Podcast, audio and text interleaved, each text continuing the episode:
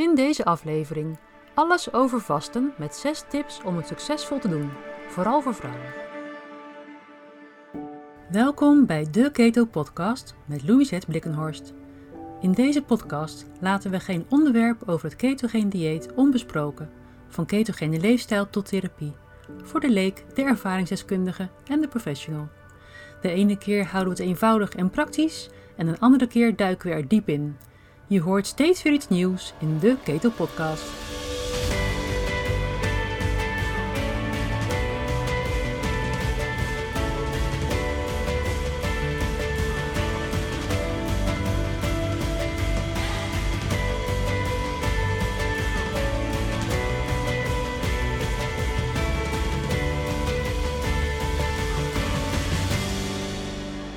Hallo, in deze aflevering gaan we het hebben over vasten. Het is nu januari en ik zag aan het begin van deze maand weer de jaarlijkse tsunami aan acties om af te vallen, om te gaan sporten en om weer fit te worden. En je wordt lekker aangespoord om super goede voornemens te hebben, om jezelf uit de na te gaan trainen en streng op dieet te gaan. De decemberluiheid en de kerstkilo's moeten eraf, dus payback time en aan de slag. Naast de gebruikelijke diëten waarbij je minder calorieën kunt eten en veel meer moet gaan sporten om zo weer in je favoriete spijkerbroek te kunnen, zie ik ook steeds meer programma's die je gaan helpen om te gaan vasten. Vasten is hip. Het heeft een vaste plaats gekregen in veel uh, leefstijlboeken en programma's. Er bestaan hele boeken over vasten, er zijn vaste coaches en ook de apps om je te helpen bij het vasten schieten als paddenstoelen uit de grond. En die kunnen wel heel nuttig zijn, maar zijn ze wel nodig? De titels klinken in ieder geval geweldig, zoals afvallen zonder diëten, een moderne manier om gewicht te verliezen en tel af naar een blijvend slank lichaam. Ja, een beetje flauw van me om er een grapje van te maken, maar even serieus, ik ben echt fan van vasten. Ik doe het zelf ook wekelijks en dan vooral het intermittent fasting, dus het onderbroken vasten. En zelfs in de Telegraaf stond pas een artikel van een anesthesioloog die pleitte voor vasten in plaats van calorieën tellen. Nou, dat vind ik echt een prima idee. Echter, er zijn wel een aantal dingen waar je op moet letten. Vasten is niet voor iedereen het eerste waar je mee moet beginnen als je gezond gewicht wilt. En dat geldt vooral voor vrouwen. Ben je een man? Blijf dan ook luisteren, want een paar punten zijn ook voor jou goed om te weten. Er zijn verschillende manieren om te vasten, zoals uh, dagvasten. Dat is een vaste periode van 36 uur en je neemt dan geen voedsel of calorieën vanaf de avond van dag 1 tot de ochtend van dag 3. Je kunt meerdere dagen gaan vasten, dan eet je geen voedsel of calorieën gedurende 48 uur of langer. Er bestaat het uh, eh, 5-2 vasten, ook wel bekend van het vaste dieet van Michael Mosley. Hierbij eet je twee dagen per week 5 tot 600 calorieën en die verdeel je over ontbijt en avondeten. Tussendoor eet je niets en de overige vijf dagen mag je gewoon eten zoals je wilt en naar behoefte. Tot slot intermittent fasting, ook wel het 16-8 patroon genoemd. En 16-8 staat voor 16 uur niet eten en 8 uur wel. En zo maak je de 24 uur van de dag vol. Hierbij hou je een tijdsraam aan waarin je wel eet en buiten die tijd eet je dus niets. Dit komt meestal neer op het uh, overslaan van het ontbijt of van het avondeten. Het is maar net wat voor jou het beste werkt. Dus bijvoorbeeld, uh, je eet wel tussen 12 uur s middags en 8 uur s avonds. Dat is dus 8 uur. En de overige 16 uur eet je niets. En van die 16 uur slaap je dan 7 tot 8 uur. Dus dat maakt alvast een stuk makkelijker. En deze manier is voor veel mensen de meest makkelijke manier om te vasten. Het is ook heel effectief. En je kunt er ook mee spelen door bijvoorbeeld uh, eh, 18-6 ervan te maken. Zo voorkom je dat je nog te laat in de avond gaat eten. Um, maar een nog korter eetraam is eigenlijk niet praktisch, want dan ben je uh, achter elkaar aan het eten en kom je mogelijk niet genoeg aan je voeding en je nutriënten. En dat is voor een keer niet erg, maar wel als het een patroon gaat worden. Vasten in combinatie met ketogene voeding is een hele goede manier om vetverbranding en gewichtsverlies te versnellen of te behouden. En het is eigenlijk zo effectief dat het onmisbaar is en daarom heeft het ook een plek gekregen in het Keto leefstijlprogramma. Ik denk dat het voor iemand die nog nooit aan vasten heeft gedaan of er zelfs maar aan heeft gedacht, dat wel even wennen is. De meeste van ons zijn opgevoed met het idee dat het ontbijt de belangrijkste maaltijd van de dag is en dat je die absoluut niet mag overslaan. Want je moet toch je verbrandingsmotor starten in de ochtend en dan kan het ineens wel even omschakelen zijn als je nu je ontbijt moet overslaan. En heb je wel eens gehoord van dat je zes momenten op een dag moet hebben om je kacheltje brandend te houden? Of sterker nog, dat je niet kunt afvallen als je te weinig eetmomenten hebt, omdat je lichaam dan in de spaarstand zou staan. Nou, dit klopt gelukkig niet, want vaker eten draagt juist bij aan het ontstaan van insulineresistentie. In aflevering 6 van de podcast kun je daar meer over horen. Met de juiste voeding gaat het eigenlijk vanzelf lukken om minder vaak per dag te eten. Mensen die ketogeen gaan eten, schakelen vaak automatisch over naar minder eetmomenten en eten hooguit drie keer per dag. Intermittent fasting is dan de volgende stap en gaat meestal zonder problemen. Door goede voeding te eten ben je langer verzadigd en denk je niet aan tussendoortjes en dat is hoe het zou moeten gaan. Van vasten is bekend dat het gewichtsverlies versnelt, de stofwisseling verhoogt en insulineresistentie vermindert. En dat draagt weer bij tot een betere gezondheid en stressbestendigheid. Er is een link tussen stress en eten, zoals je weet, en dat is ook belangrijk om te weten als je wilt gaan vasten. Hierover vertel ik zo meteen meer. Tijdens het vasten gebruik je je glycogeen op om aan energie te komen. Glycogeen is de voorraad koolhydraten die opgeslagen is in het lichaam. Als glycogeen op is, dan moet het lichaam wel overschakelen op de vetverbranding, zoals je zou verwachten. Maar het lichaam kan ook zelf glucose maken. En zelfs zo efficiënt dat het zonder voeding op den duur ook weer een voorraadje glycogeen kan opbouwen. En hier zijn stressprikkels bij betrokken en dat is meteen een valkuil voor de vetverbranding. En daar kom ik zo op terug. Hoe kan je nu het beste beginnen met vasten?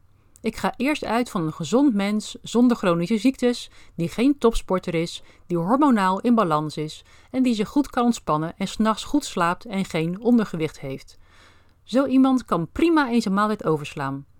Maar vind je dat nog een spannend idee? Bouw het dan rustig op.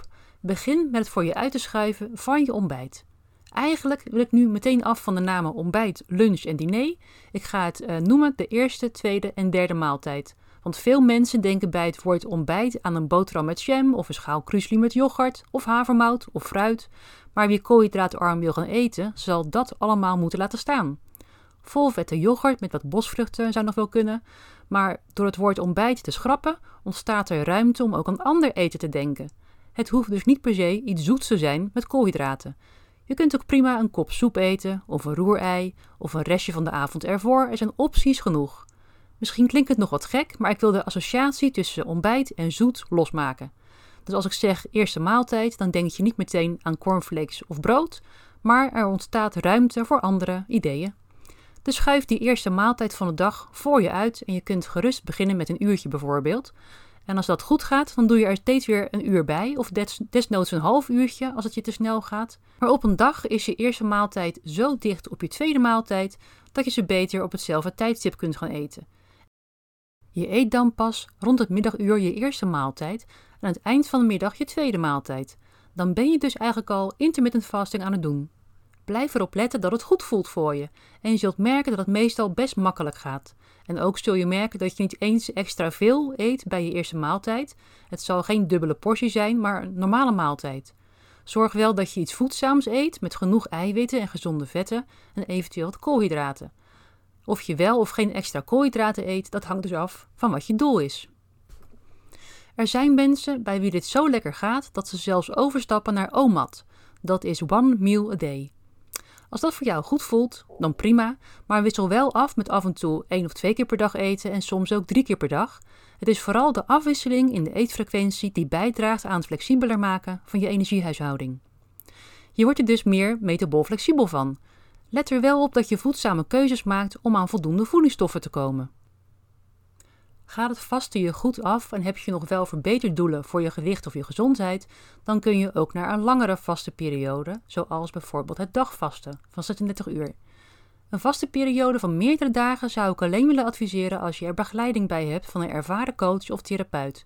Zeker als er sprake is van een uh, flink overgewicht, hormoonproblemen of chronische ziekte. Het metabolisme is dan nog te ontregeld om dit goed aan te kunnen. Er zullen eerst andere stappen moeten worden gezet. Een meerdaagse vaste periode heeft zijn werking bewezen bij chronische ziektes, zoals bijvoorbeeld in de ondersteuning bij kankertherapie. Wil je daar meer over weten, dan raad ik je het boek aan Kankervrij van William Kortvriend. Ga hier niet zelf mee aan de slag. Er zijn namelijk in Nederland ook diëtistes die hierin gespecialiseerd zijn. Wil je daar meer informatie over? Stuur me even een e-mail, dan wijs ik je graag in de goede richting. Dit is meteen een mooi bruggetje naar mijn volgende punt. Dat is eigenlijk meer een vraag, namelijk: is vasten altijd een goed idee? En mijn antwoord daarop is nee. Net zoals meteen aan een ketogeen dieet beginnen ook niet altijd een, een goed idee is. Er zijn een aantal uitzonderingen waarbij vasten of keto niet de eerste stap is. En die uitzonderingen zijn bijvoorbeeld chronische ontstekingsziektes en dan vooral tijdens een opvlamming waarbij het immuunsysteem heel actief is. Bij stress, acuut of chronisch, of als je een topsporter bent, of als er sprake is van een trage schildklier. Wanneer je dan gaat vasten terwijl je met een van deze, of zelfs alle drie of alle vier situaties te maken hebt, begin dan niet meteen met vasten. Dit heeft een averechts effect. Ik noemde net al dat het lichaam zelf glucose kan maken. Dit proces vindt plaats in de lever en ook een klein beetje in de spieren en het heet gluconeogenese. Er worden dan grondstoffen uit vetten en proteïnen gebruikt om nieuwe glucose te maken. Uit vetten wordt glycerol gebruikt en uit proteïnen worden bepaalde aminozuren gehaald. En deze vetten en proteïnen kunnen uit de voeding worden gehaald, maar tijdens vasten is dat er dus niet en worden er lichaams-eigen bouwstoffen gebruikt. En we vinden het allemaal prima als ons eigen lichaamsvet daarvoor gebruikt wordt, want dat is vetverbranding en dat willen we juist heel graag. Maar we willen niet dat onze lichaams-eigen proteïnen afgebroken worden. Want dat is bijvoorbeeld de spiermassa en je bindweefsel en die wil je niet verliezen. Dus je zou denken dat het prima is om iemand met overgewicht te laten vasten om zo in de vetverbranding te komen en af te vallen. In principe is dat wel zo, maar wanneer die persoon uh, met één of juist uh, alle zojuist genoemde uitzonderingen te maken heeft, dan werkt het niet zo. Bij hoge of chronische stress of bij een flink of chronisch actief immuunsysteem en bij intensieve of langdurige inspanning schakelt het lichaam automatisch over op de glucoseverbranding. De energiebehoefte is namelijk heel hoog tijdens deze situaties en het lichaam komt zo sneller aan energie. Dit wordt gestart door onder andere de hormonen adrenaline en cortisol. En vetverbranding is in die situatie onmogelijk. En misschien zie je het al aankomen. Als je in zo'n situatie gaat vasten, dan heeft het lichaam geen keuze dan de lichaams-eigen eiwitten af te breken om aan glucose te komen. Sterker nog, mensen die een normaal westers voedingspatroon hebben, zullen op dat moment ook niet genoeg hebben aan de eiwitten uit hun voeding. Er zal in langdurige situaties alsnog afbraak zijn van spiermassa en bindweefsel. Er staat dan al te grote druk op de energiehuishouding, Adrenaline en cortisol zijn al verhoogd en als je dan ook nog ervoor kiest om te gaan vasten, wordt het stresssignaal alleen maar groter. En wat merk je daarvan? Je merkt dat je de hele dag aan eten moet denken en vooral aan koolhydraten, want je lichaam eist energie.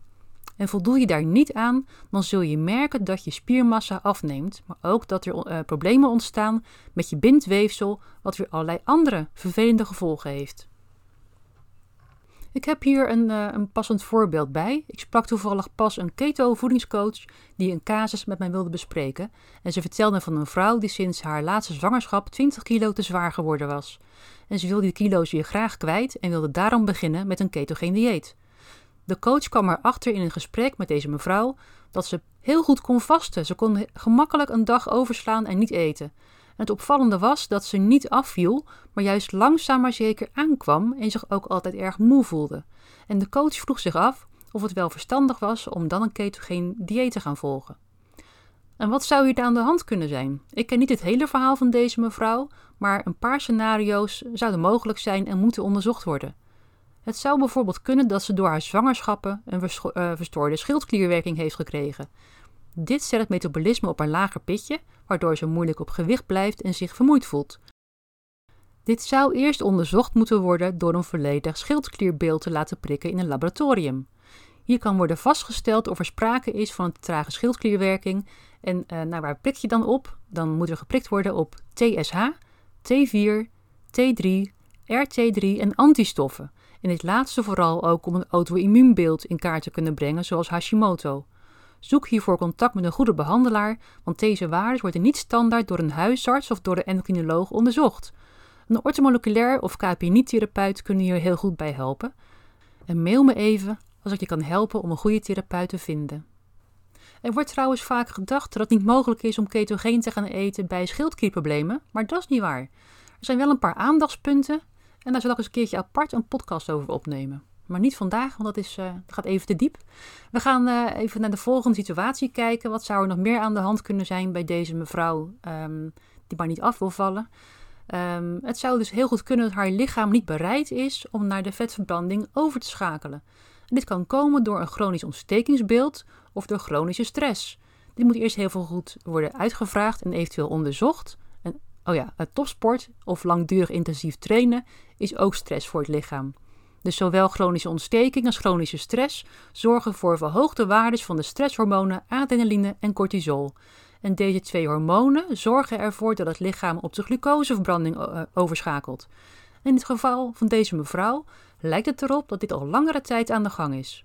Hierdoor wordt haar vetvoorraad niet aangesproken en het vet wat ze eet wordt meteen opgeslagen waardoor ze aankomt.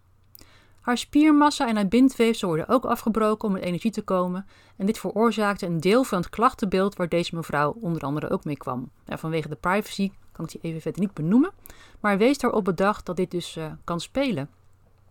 En wat zou nou mijn advies zijn geweest aan deze mevrouw als ze bij mij onder behandeling gekomen zou zijn? Ik zou eerst een aantal laboratoriumtests willen laten doen, zoals het volledige schildklierbeeld wat ik net noemde, maar ook de ontstekingswaarden, zoals de High Sensitive CRP en eventueel haar cortisolwaardes. Verder zou ik de ratio tussen nuchter glucose en nuchter insuline willen weten, dat wordt de HOMA-index genoemd, en andere metabole waarden zoals cholesterol en triglyceriden. Dit zou al een mooi beeld kunnen geven van haar metabole status. In deze situatie zou ik haar nog niet laten vasten. Ik zou haar niet eens een koolhydraatdieet laten volgen en al helemaal geen ketogeen dieet. Afhankelijk van wat er uh, uit de bloedtesten komt en van haar anamnese is het nodig om eerst een aantal andere zaken op te lossen. In het geval van een ontstekingsbeeld zou ik eerst zorgen dat daar rust komt door met ortomoleculaire middelen de ontstekingen te remmen. En bij stress zou ik met adaptogenen de stressas meer tot rust willen brengen. En mocht nou blijken dat haar schildklier traag werkt, dan zou ik ook daar op ortomoleculaire basis mee aan de slag gaan. Dat kan namelijk heel goed.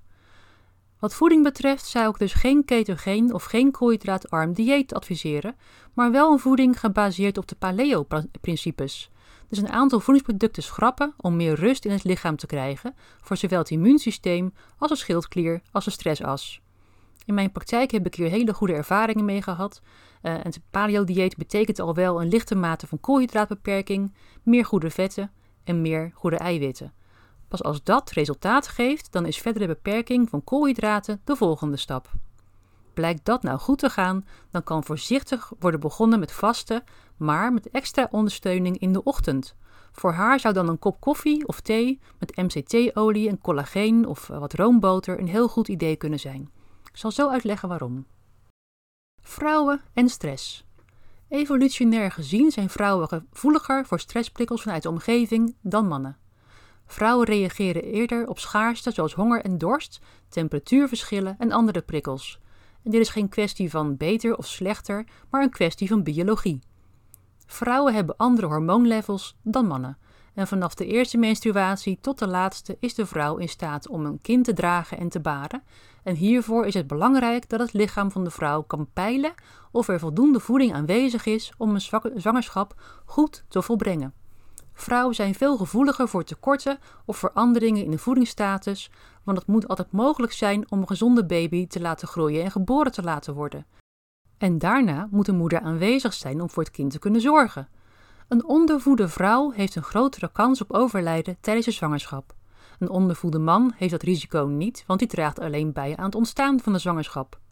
En zelfs als een vrouw niet vruchtbaar meer is, dan blijft die gevoeligheid voor de voedingsstatus bestaan. Het is daarom van groot belang dat een vrouw anders omgaat met vasten dan een man. Als in het brein het signaal binnenkomt dat een eventuele zwangerschap gevaar zou lopen omdat er niet genoeg voeding is, dan beïnvloedt dat de geslachtshormonen door deze te laten dalen. Dit maakt het ontstaan van een zwangerschap moeilijker. De hormoonbalans is een indicator van gezondheid en zelfs als je geen baby's meer zou wensen of als je al wat ouder bent. Voor zowel mannen als vrouwen geven veranderingen in voeding en calorieinname aan het brein een signaal af wat effect kan hebben op de genexpressie. Dit is epigenetica. Een vrouw reageert hier echter veel sterker op, omdat een vrouwenlichaam klaar moet zijn om heel veel energie en nutriënten te investeren voor het geval er een zwangerschap zou ontstaan. Een man hoeft alleen te investeren in het produceren van gezonde spermacellen. Honger betekent voor het brein van een vrouw een noodsignaal. Er is honger, noodsituatie, stop met voorplanten. En geen wonder dat bij vaker of langer vasten vrouwen eerder te maken krijgen met verschijnselen zoals slaapproblemen, anxiety, bijnierproblemen, ook wel bijnieruitputting genoemd, onregelmatige cyclus, osteoporose en zelfs tijdelijke onvruchtbaarheid. Gelukkig zijn er manieren waarop vrouwen toch profijt kunnen hebben van vasten. Gewoon door een paar slimme aanpassingen. Als je van jezelf weet dat je stressgevoelig bent en heel onrustig wordt van vasten, probeer dan eens één van deze volgende tips. Tip nummer 1. Ga niet elke dag intermittent vasten, maar begin met één keer per week en bouw het op naar maximaal om de dag. Zo geef je je brein de boodschap dat er geen hongersnood aan de gang is. Vandaag is er geen eerste maaltijd, maar morgen weer wel. En dan is het vertrouwen groot genoeg dat er voeding is om een eventuele baby te kunnen voeden. Tip nummer 2. Doe niet aan intensieve lichaamsbeweging op de dag dat je aan het vasten bent. Doe liever iets minder inspannends. Maak een wandeling, doe wat yoga of pilatesoefeningen, maar ga niet aan zware gewichten lopen trekken. Tip nummer 3. Neem ochtends een klein beetje vet en een klein beetje proteïne. Het helemaal overslaan van de eerste maaltijd kan de stressprikkel vergroten en een negatief effect hebben. Drink bijvoorbeeld een kop zwarte koffie met wat roomboter of wat kokosolie of MCT-olie en hiermee geef je je brein het signaal dat er geen hongersnood is. Zo is er meer rust om zonder verder te eten de uren tot de tweede maaltijd te overbruggen. Tip nummer 4. Luister naar je lichaam. Heb je een nacht slecht geslapen? Is je menstruatie net gestart? Heb je iets vervelends meegemaakt wat extra stress geeft? Of uh, is er iets anders wat je onrustig maakt? Sla dan niet een maaltijd over en zeker niet het ontbijt. Zorg voor een portie eiwitten, gezonde vetten en eventueel wat koolhydraten om de hongerstress-signalen weg te nemen. Bijvoorbeeld een schaaltje vol vette yoghurt of kokosyoghurt met wat bosbessen kan al voldoende zijn. Of neem een lekker stevig ontbijt met eieren, zodat je makkelijk het kan redden tot de middag zonder tussendoor te snacken. Daar heb je dan meer aan dan jezelf super gedisciplineerd laten vasten en er heel onrustig van worden. Het gaat erom dat je je hormonen uit de paniekstand weet te houden. Want dat is een gevecht wat je gegarandeerd gaat verliezen. Uiteindelijk pak je dan een rol koekjes of een reep chocola en heb je een enorme hekel aan jezelf. Niet doen dus. Tip nummer 5. Door het maandelijkse bloedverlies kunnen er bij vrouwen tekorten ontstaan, zoals een gebrek aan ijzer. Ook dit zet een rem op je energiehuishouding. Ga hiermee nooit zelf aan de slag, met ijzersupplementen bedoel ik, maar laat je goed uh, adviseren. Dit is geen geval van baat het niet, dan schaadt het niet. Tot slot tip nummer 6. In de tijd rondom de menopauze verandert er van alles in het lichaam van de vrouw. De schommelingen in de hormonen oestrogeen en progesteron kunnen zorgen voor een hogere stressgevoeligheid. En ook dan is het niet verstandig om strikt te gaan vasten. Wees lief voor jezelf en zorg goed voor jezelf. De ene dag kan vasten geweldig voelen en de andere niet. Het is dus geen schande als het een keertje niet lukt en je dus wel drie keer per dag wilt eten. En mannen, denk niet dat dit alleen voor vrouwen is. Hoewel vrouwen gevoeliger zijn, ook mannen kunnen zeker te maken krijgen met stressvolle situaties, al dan niet door hormonen of door ontstekingsreacties. Dus voor iedereen geldt: luister naar je lichaam en forceer niets. Dit geldt trouwens ook voor het beginnen met een ketogeen dieet. Dit dieet bootst namelijk een soort hongersnood na door de lage hoeveelheid koolhydraten. Het heeft hetzelfde effect op de stressas als vasten. Dus herken je jezelf in wat we juist allemaal vertelden, dan is vasten niet slim, maar begin ook niet met een ketogeen dieet. Wil je gezonder en slanker worden? Neem dan contact op met een ketoprofessional en laat je begeleiden. Eerst moeten er andere stappen genomen zijn voordat je kunt beginnen met een keto-dieet. Tot slot nog even wat over therapeutisch vasten. Ik noemde het al eerder, maar het kan in een aantal situaties een goede therapie zijn om te vasten. Bij bepaalde chronische ziektes, zoals neurologische aandoeningen of als kanker, kan streng vasten veel positief effect hebben. Het vasten kan dan leiden tot autofagie, wat letterlijk zelfvertering betekent. Het lichaam kan door middel van autofagie heel effectief rommel opruimen, zoals oude en beschadigde lichaamcellen. Dit is een hele natuurlijke manier om je lichaam een grote schoonmaak te laten houden en zelf tot herstel te laten komen of het herstel te ondersteunen. Vaak kan therapeutisch vasten heel goed in combinatie met een reguliere behandeling. Doe dit niet op eigen houtje, maar ga op zoek naar begeleiding van een behandelaar die weet wat hij of zij doet en die contact kan onderhouden met de behandelende arts. Nou, je hoort het, er is heel veel te vertellen over vasten en over het dieet dat vasten nabootst. Vasten kan een zeer effectieve manier zijn om je gewicht op peil te krijgen of om je gezondheid te verbeteren, maar het beste verdiep je er vooraf in door een boek te lezen, uh, of daar wat informatie op internet over te zoeken. Ik zal in ieder geval een paar tips in de show notes zetten voor een paar goede Nederlandstalige boeken. Luister ook eens naar de andere afleveringen van de Keto Podcast om een nog completer beeld te krijgen. En heb je te maken met gezondheidsproblemen, laat je dan vooral begeleiden, zodat je het vasten, eventueel in combinatie met een ketogeen dieet, tot een groot succes kunt laten worden. Fijn dat je weer geluisterd hebt en graag tot de volgende keer. Leuk dat je luisterde naar deze aflevering van de Keto Podcast. Ik hoop dat het je heeft geïnspireerd, vragen heeft beantwoord of juist vragen heeft opgeroepen. Heb je vragen of wil je reageren op deze podcast? Stuur dan een e-mail naar info@theketopodcast.nl. De Keto Podcast is ook te vinden op Facebook, Instagram en Twitter. Vind je deze podcast waardevol? Dan zou je me enorm helpen door een mooie review achter te laten en met 5 sterren te waarderen. En wil je geen aflevering meer missen? Abonneer dan. Deze podcast wordt mogelijk gemaakt door Ketogenics Institute. Ketogenics Institute verzorgt cursussen voor gezondheidsprofessionals over ketogene leefstijl en therapie. En voor een ieder die zelf met een ketogene leefstijl wil starten, is er het Keto Leefstijlprogramma. Meer informatie is te vinden op www.ketogenicsinstitute.com.